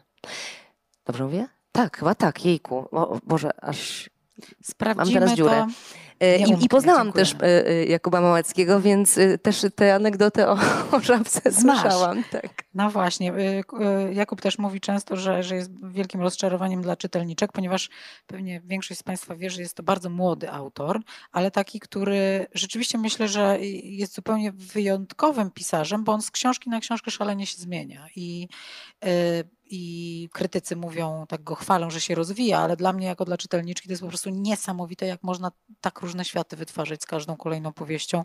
Ja z kolei jestem entuzjastką Saturnina, czyli tej najnowszej jego książki. On mówi, że rozczarowuje, rozczarowuje czytelników, bo się spodziewają sta, mhm. starca, mędrca, a to tak. jakiś taki młody, przystojny, nazięcia się nada, ale... Oczekujemy tego, co, co dostaliśmy, czyli żeby nam się znowu to samo podobało. Dokładnie. Mamy tutaj takie pytanie, które nas wspaniale przekierowuje do kolejnej podsekcji w e, Twojej e, liście książek Twojego życia, czyli do ekranizacji, bo padło pytanie o to, czy jest taka książka, której wersja filmowa Panią zachwyciła. I otóż ja Państwa informuję, że ja mam tu na liście takich pięć.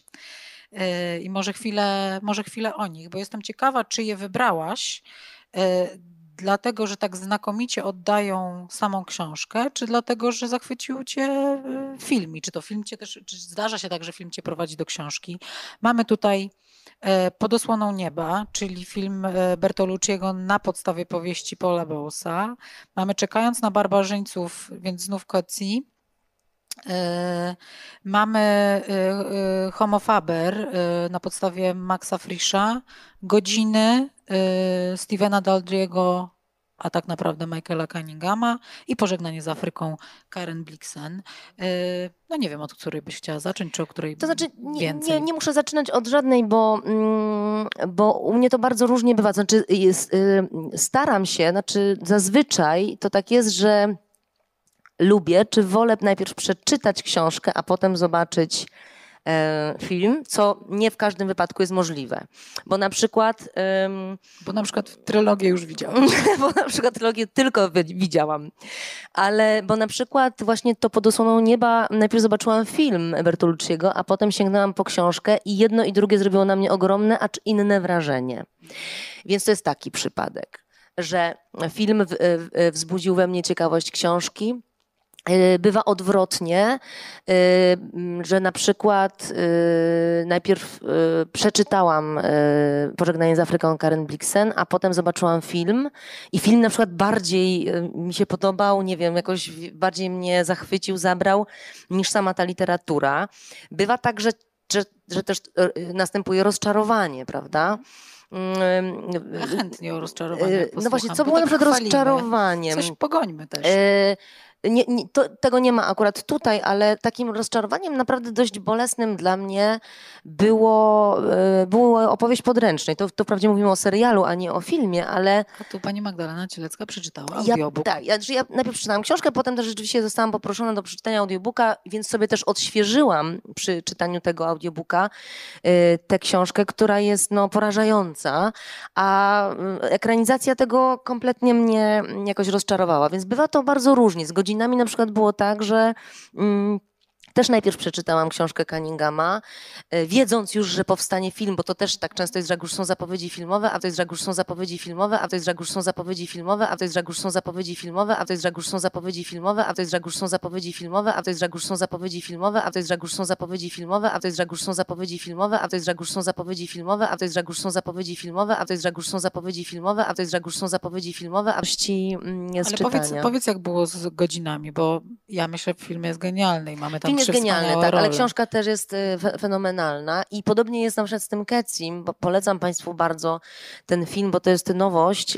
Y, Książka jest, no, książka jest rzeczywiście porażająca, jak chyba wszystkie Keciego, ale ta jest rzeczywiście e, e, niesamowitym Możesz nam też opowiedzieć więcej o, o materiałem. barbarzyńców? Nie, czekając na barbarzyńców, to jest opowieść o takiej, em, takim fo, takiej, em, takim fo, takiej, em, takim fo, takiej, em, takim fo, takiej, em, takim fo, takiej, em, takim fo, takiej, em, takim fo, takiej, em, takim fo, takiej, em, takim fo, takiej, em, takim fo, takiej, em, takim fo, takiej, em, takim fo, takiej, em, takim fo, takiej, em, takim fo, takiej, em, takim porządek i ten, ten fort, ten fort wojskowy jest kierowany przez bardzo otwartego, dobrego i powiedziałabym sumiennego i uczciwego mm, dowódcę, kapitana, do którego na taką, na taką e, e, inspekcję przyjeżdża e, w postaci zresztą Johnego Deppa. E, e, Dobra no, postać. nowy, no, nowy, Kontrowersyjna osoba. nowy zarządca y, i wprowadza nowe porządki w sposób po prostu okrutny, nieznoszący y, y, sprzeciwu, sugerując, że wszystko to, co złe się dzieje mm, y, w tym, powiedzmy, kraju, bo nie jest ani nazwany kraj, ani czas, ani rodzaj układu politycznego, nic, tylko jakby dwa, dwa porządki się zderzają. Oskarżeni, oskarżeni są y, miejscowi ludzie, którzy my wiemy jako o, o, oglądacze czy czytelnicy, że to są e, ludzie absolutnie temu niewinni, ale są y, postawieni jako, jako po prostu e, winni temu wszystkiemu i, i napiętnowani. Po czym ten stary, no nie, może nie będę zdradzać.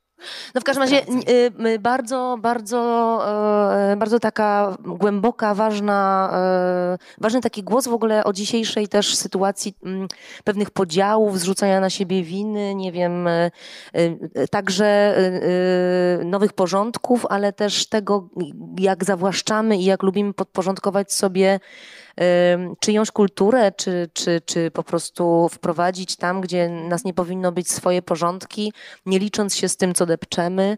No, ba- bardzo, bardzo polecam. Najpierw książkę, a potem, e, a potem z, z dużą, z dużą przyjemnością film. To jeszcze w tej samej kolejności najpierw książka Maxa Frisza, a potem film Schlendorfa, tak? Mm, Tutaj też najpierw chyba widziałam film, o ile pamiętam, Mówimy ale o Homo Faber, Faber, i o tak. Ekranizacja ma tytuł Voyager, jeśli Tak, nie tak, tak. Mhm. E, I, I tylko to już było też wiele lat temu, więc nie pamiętam, co było najpierw, ale wydaje mi się, że najpierw zobaczyłam film i z powodu filmu sięgnęłam w ogóle po, po tę literaturę, bo jej nie znałam. Przepraszam. Bo jej nie znałam i e, tutaj spełnienie było pełne. Bo jakoś w moim odczuciu ten y, y, y, cał, całkowicie zostało, został oddany duch książki. Oj, teraz mi się otwierają oczywiście kolejne klapki i mogłam tak bez końca o ekranizacjach i o książkach. Wspaniale, kolejne światy się odsłaniają, super. A to złapmy trochę oddechu innym pytaniem. To znaczy, tutaj pani Beata, która nas ogląda, pyta o to, jak dobierasz książki, czy na podstawie recenzji, jakichś poleceń. Ja też chciałam zapytać o to, czy w twoim życiu czytelniczki są jacyś przewodnicy, jacyś ludzie, którym bardzo ufasz, czy to jest y, twój samodzielny wybór. Właściwie właśnie jak, jak wybierasz książki. Y, czy ty chodzisz sobie po księgarniach, lubisz sobie popatrzeć, wziąć do ręki, czy nie ma tak naprawdę już na to czasu, bo to taka trochę romantyczna wizja. Yy, No jak, właściwie jak w twoje ręce wpadają te bardzo nietypowe wybory, o których dzisiaj Chyba, opowiadasz? chyba bardzo różnie, bardzo różnymi drogami one do mnie docierają, bo e, zarówno jest to kwestia jakiegoś takiego kaprysu, intuicji, że akurat ta, a nie inna, czy to na przykład na półce w księgarni, jednak ciągle jakieś tam księgarnie funkcjonują. U nas w teatrze też je- jest księgarnia i e, lubię też tam zajrzeć. Ale również z polecenia. Nie powiedziałabym, że mam przewodnika, czy że mam jakiegoś, jako, jak, jak, jakiegoś guru, czy jakąś guru, która mm, mi pod, podpowiada. Y, Ale mamy taki swój klub czytelniczy y, koleżeński. Wie, wie, więcej tam jest y, kobiet niż mężczyzn, ale. Czyli naprawdę spotykacie się Nie, nie, klub czytelniczy w tym sensie, że się wymieniamy rzeczywiście y, tytułami, co kto przeczytał i co jest warte. Też się wymieniamy książkami zakupionymi.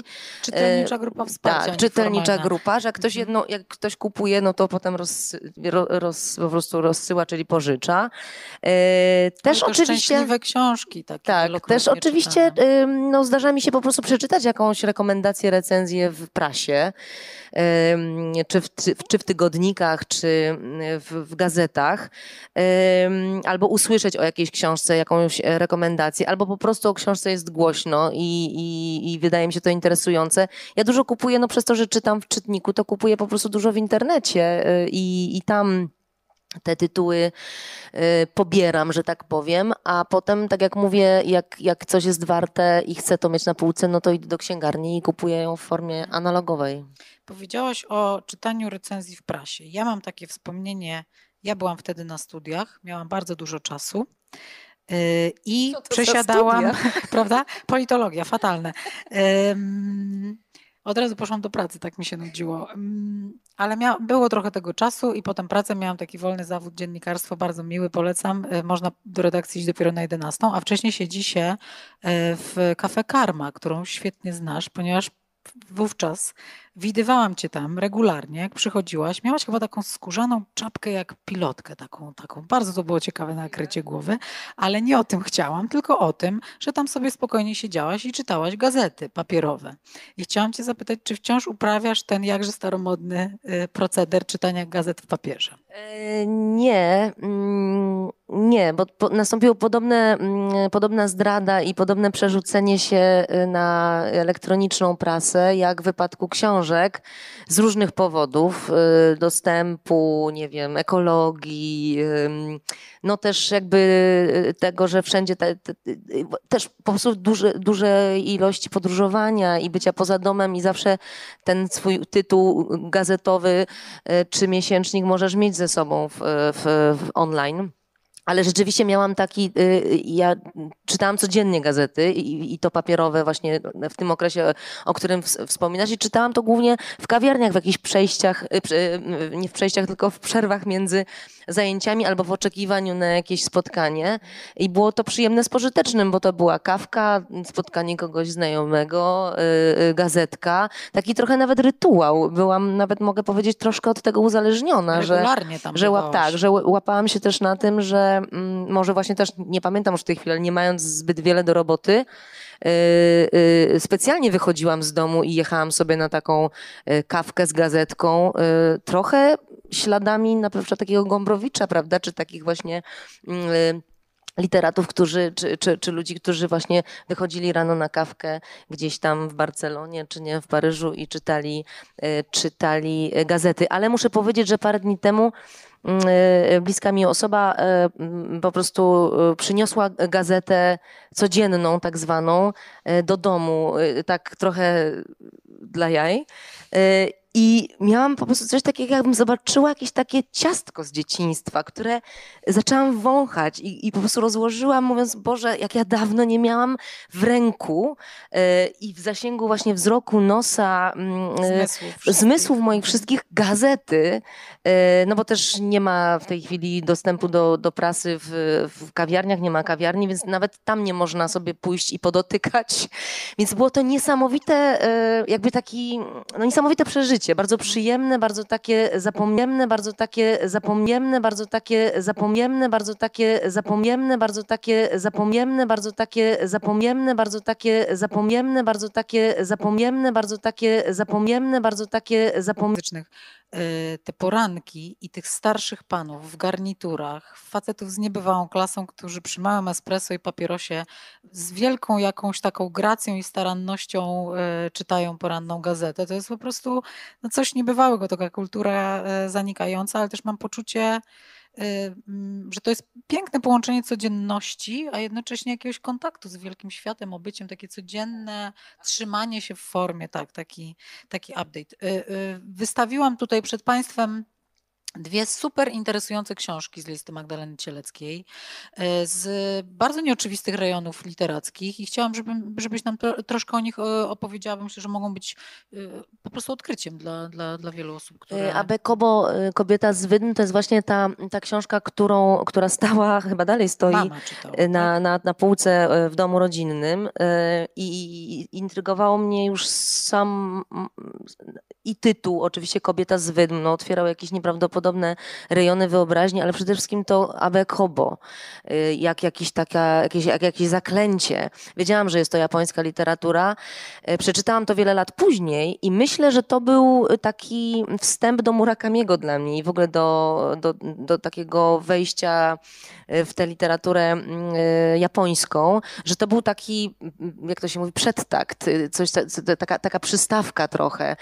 Prze, przepiękna powieść, no bardzo też taka, taka taka metafizyczna dla mnie i, i poetycka bardzo, a jednocześnie, e, jednocześnie jakaś taka wzruszająca e, nawet, nawet do, do, do, do jakiegoś takiego e, roz, rozpadu z powodu emocji która, która jednocześnie jest też jakimś takim obrazem mm, no, apokaliptycznym, tak bym powiedziała. Bardzo, bardzo, bardzo polecam.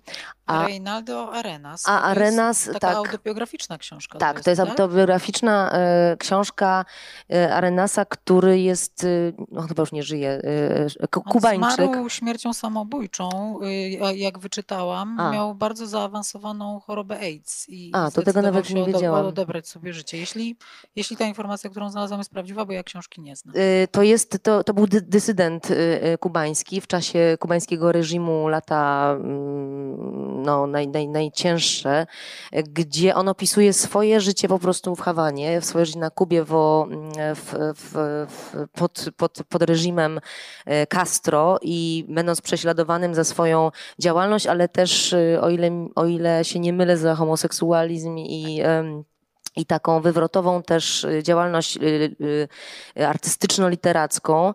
I pamiętam, że dla mnie to było, po pierwsze był to oczywiście mm, takie zetknięcie się z, mm, chyba też oczywiście, bo to też jest osobny troszkę wątek, że z powodu też niektórych książek gdzieś chciałam strasznie pojechać, prawda? Jasne. Na przykład do Japonii tak, jeszcze nie pojechałam. I na przykład chyba z tego powodu pojecha, chciała, zapragnęłam pojechać na Kubę. E, ale ta książka jest przerażająca, jest okrutna, bo to jest trochę taki, powiedziałabym, e, jak Sołżenicyn, mhm.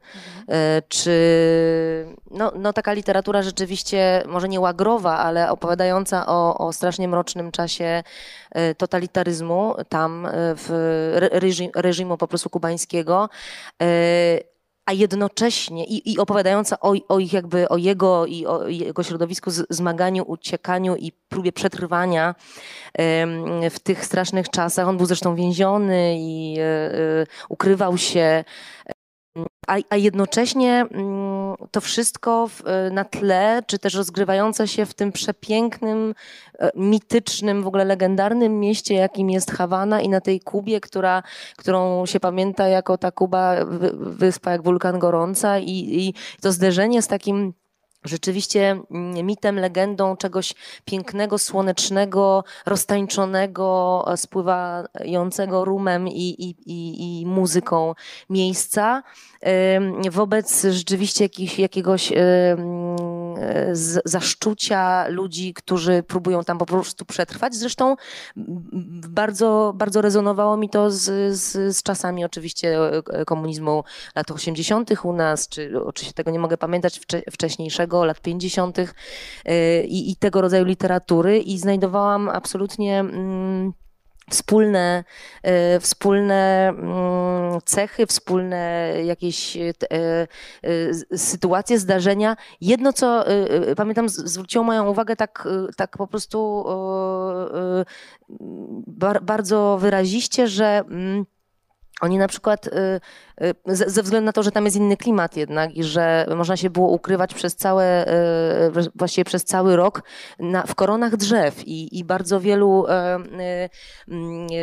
nie, nie, nie, niemiłych władzy mm, obywateli się ukrywało, po prostu miało po, porobione takie kryjówki w, w ogromnych rzeczywiście jakichś takich sekwojach, baobabach czy jakichś innych tam tropikalnych mm, drzewach y, przez, przez, cały, przez cały właściwie sezon i pomyślałam sobie tak, no przynajmniej to mieli lepiej, że mieli taki klimat, że mogli to robić, bo u nas srogie zimy na przykład na to nie, nie pozwalały. Myślę o tym zawsze, kiedy jestem w Indiach y, i patrzę na żebraków, którzy nie mieliby możliwości trwania, gdyby nie, gdyby nie klimat, który pozwala im żyć na ulicy, gdziekolwiek, y, czy w drodze. Y, bardzo, bardzo przejmująca opowieść o tej książce. Też pomyślałam o Hannie Kral, kiedy o tym mówiłaś, bo pamiętam, że ona mojemu znajomemu reporterowi radziła opisywać, y, jeśli ma opisywać, jeśli chce opisać dobro, zło, tak żeby ono wybrzmiało, to najlepiej jest kontrastować z czymś pięknym, jakimś dobrym, a ty mówiłaś o, o, piekle odmieńca w rajskich y, okolicznościach. Nie mamy ostatniej książki, o którą chciałabym cię zapytać tutaj na miejscu. Zdaje się, że jej nie przyniosłaś, ale bardzo mnie ona zaintrygowała. Alfred Kubin po tamtej stronie. Y, to jest zresztą książka jakoś związana z Kępińskim, o którym też wspominałeś, bo Kępiński w swojej książce o schizofrenii pisał pisał o, o Kubinie, rysowniku, grafiku, który, który y, z kolei w tej książce po tamtej stronie no, tworzy postać malarza, tak, który przechodzi na stronę snu, jako ja rozumiem, jest to metafora y, odmiennego stanu umysłu. Tak? Odmiennego stanu świadomości. Tak, to taka literatura, która chyba, mm, o ile pamiętam, została mi zaszczepiona też przez teatr w jakimś sensie, jeszcze w Krakowie. E, przez Teatr Krystiana Lupy, bo on e, um, on e, e, używał tego Kubina w, w, w, swojej twórczości i gdzieś ta, mm, te, ten, ten sposób patrzenia w taki, taki, jakby to powiedzieć, rozdwojony sposób i, i też poprzez malarstwo, poprzez to, że Kubin był też właśnie malarzem, rysownikiem, czyli takim artystą bardzo mrocznym i ta literatura jest z pogranicza, powiedziałabym, mm, science fiction, fiction. Znaczy to jest takie science fiction, science fiction które jest, e, e, ja bym, ja, bym to, ja bym to nazwała, że to jest takie egzystencjalne e, science fiction, bo, bo tam jest, są elementy horroru, tam są elementy właśnie jakiegoś takiego mm, trochę nawet futuro, a jednocześnie bardzo jest to mocno osadzone w podświadomości, w, w, w wchodzeniu w, właśnie w swoje jakieś takie stany nie do końca świadome, nieświadome, również w chorobę, również właśnie w stany depresyjne i jakiegoś takich takich odlotów, które z jednej strony poszerzają nasze, e, na, na, nasze widzenie, naszą percepcję i chcemy z tym eksperymentować, z drugiej strony e, dla nas samych są e, właściwie zagrożeniem, piekłem i budzą w nas grozę. To przerażająca książka, ale jednocześnie bardzo taka poetycka, taka z gatunku y, y, no trochę noir, czyli czegoś takiego, co jednocześnie nas pociąga i czego się boimy. Z, z, z, z takiego języka snu oczywiście bardzo, bardzo, bardzo, bardzo mocno. Pięknie opowiadasz o książkach i, i od ponad półtorej godziny siedzimy tu zasłuchani, jak nam opowiadasz, z jak wielu powodów książki ubogacają, jak wiele dają. Ale ja lubię zadawać to niemożliwe pytanie na koniec tych naszych rozmów. To znaczy, czy, bo nie można sobie wyobrazić tego, jaką byś była kobietą, jakim byś była człowiekiem bez przeczytania tych wszystkich książek. No bo to już jest niemożliwa opowieść. One wszystkie już ci coś zrobiły. Ale czy myślisz, że potrafisz powiedzieć, co najcenniejszego, czy najmilszego, mm, najprzyjemniejszego daje ci czytanie książek? Y, no chyba troszkę już odpowiedziałam na to pytanie, Nawet nie troszkę. że dla mnie to jest po prostu możliwość y, wejścia w, to jest trochę tak jak z y, aktorstwem, że wejścia w cudze, w, w cudze ubrania trochę, no w, cudzy, w cudzy świat, w inną głowę, w inne wybory, w, inne, w inny system wartości. Już nie mówię o tym, że w inny też czas. Można się przenieść gdziekolwiek, w przód lub w tył.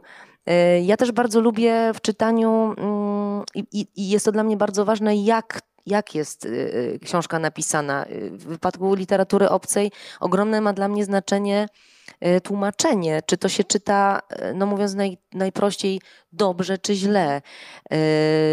Myślę, że też literatura bardzo, bardzo poszerza język i nie sposób innego, innej drogi wymyślić na, na mm, na ubogacenie języka jak czytanie. To jest oczywiście, można powiedzieć, jakiś taki side effect, ale ten główny to jest taki, że, że się po prostu poszerza swój horyzont, poszerza się swoją wyobraźnię i w tej wyobraźni możemy zawędrować y, wszędzie i się też utożsamić i zobaczyć, jak, y, mm, jak to mogłoby być po innej stronie na przykład, po tamtej stronie. Y, ja myślę, że znam odpowiedź na to pytanie, ale ono nie daje spokoju naszej publiczności, czyli musisz odpowiedzieć nam, y, czy czytałaś y, serię o Chyłce, zanim zagrałaś w ekranizacji Remigiusza Nie, nie czytałam i, i do tej pory nie. No proszę bardzo. Dobrze, a ja mam takie pytanie. Czy znasz kogoś, kto nie czyta? Czy kiedykolwiek znasz kogoś, kto w ogóle nie czyta?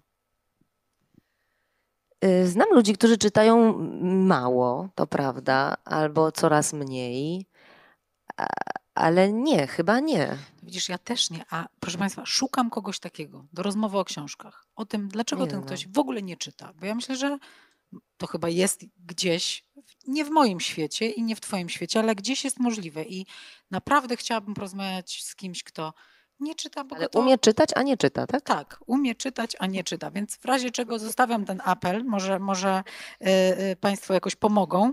Yy, ale czy jest ktoś w, w Twoim świecie, w świecie teatru, w, w świecie filmu, z kim ja powinnam porozmawiać o czytaniu? No myślę, że z każdym byłoby warto.